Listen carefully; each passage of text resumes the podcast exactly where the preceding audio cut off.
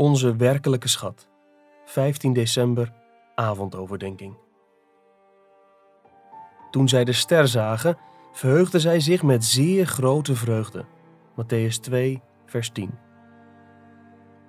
Jezus aanbidden betekent dat we door middel van onze offergave vol vreugde, gezag en waardigheid toekennen aan Christus. We schrijven Hem iets toe. We schenken Hem niets. God wordt niet door mensenhanden gediend alsof Hij iets nodig heeft. Handelingen 17, vers 25. De wijzen geven hun geschenken niet om Jezus te helpen of om in zijn behoeften te voorzien. Het zou tot oneer van een koning zijn als buitenlandse bezoekers koninklijke hulppakketten kwamen brengen.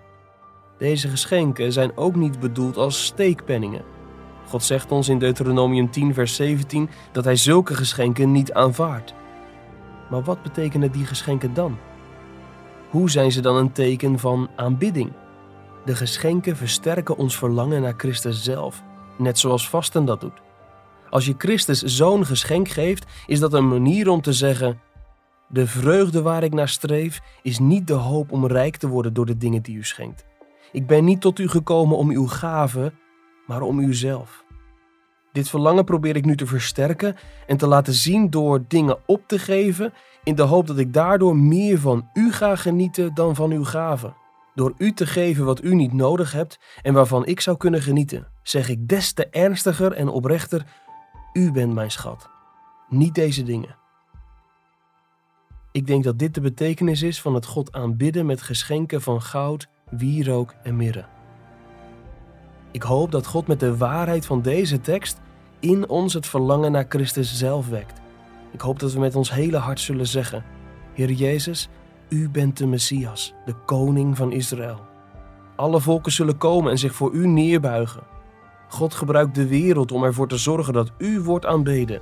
Daarom, welke tegenstand ik ook mag ondervinden, ik zal met vreugde U het gezag en de waardigheid toeschrijven en mijn gaven meebrengen om te zeggen dat alleen U mijn hart kunt vervullen en niet die gaven.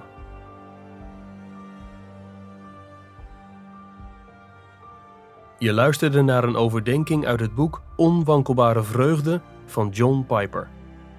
Het boek bevat 50 ochtend- en avondoverdenkingen voor Advent om je te helpen Christus centraal te stellen. Ga naar de webshop van Geloofstrusting om het boek te bestellen of ga naar onwankelbarevreugde.nl voor een online dagboek voor het hele jaar.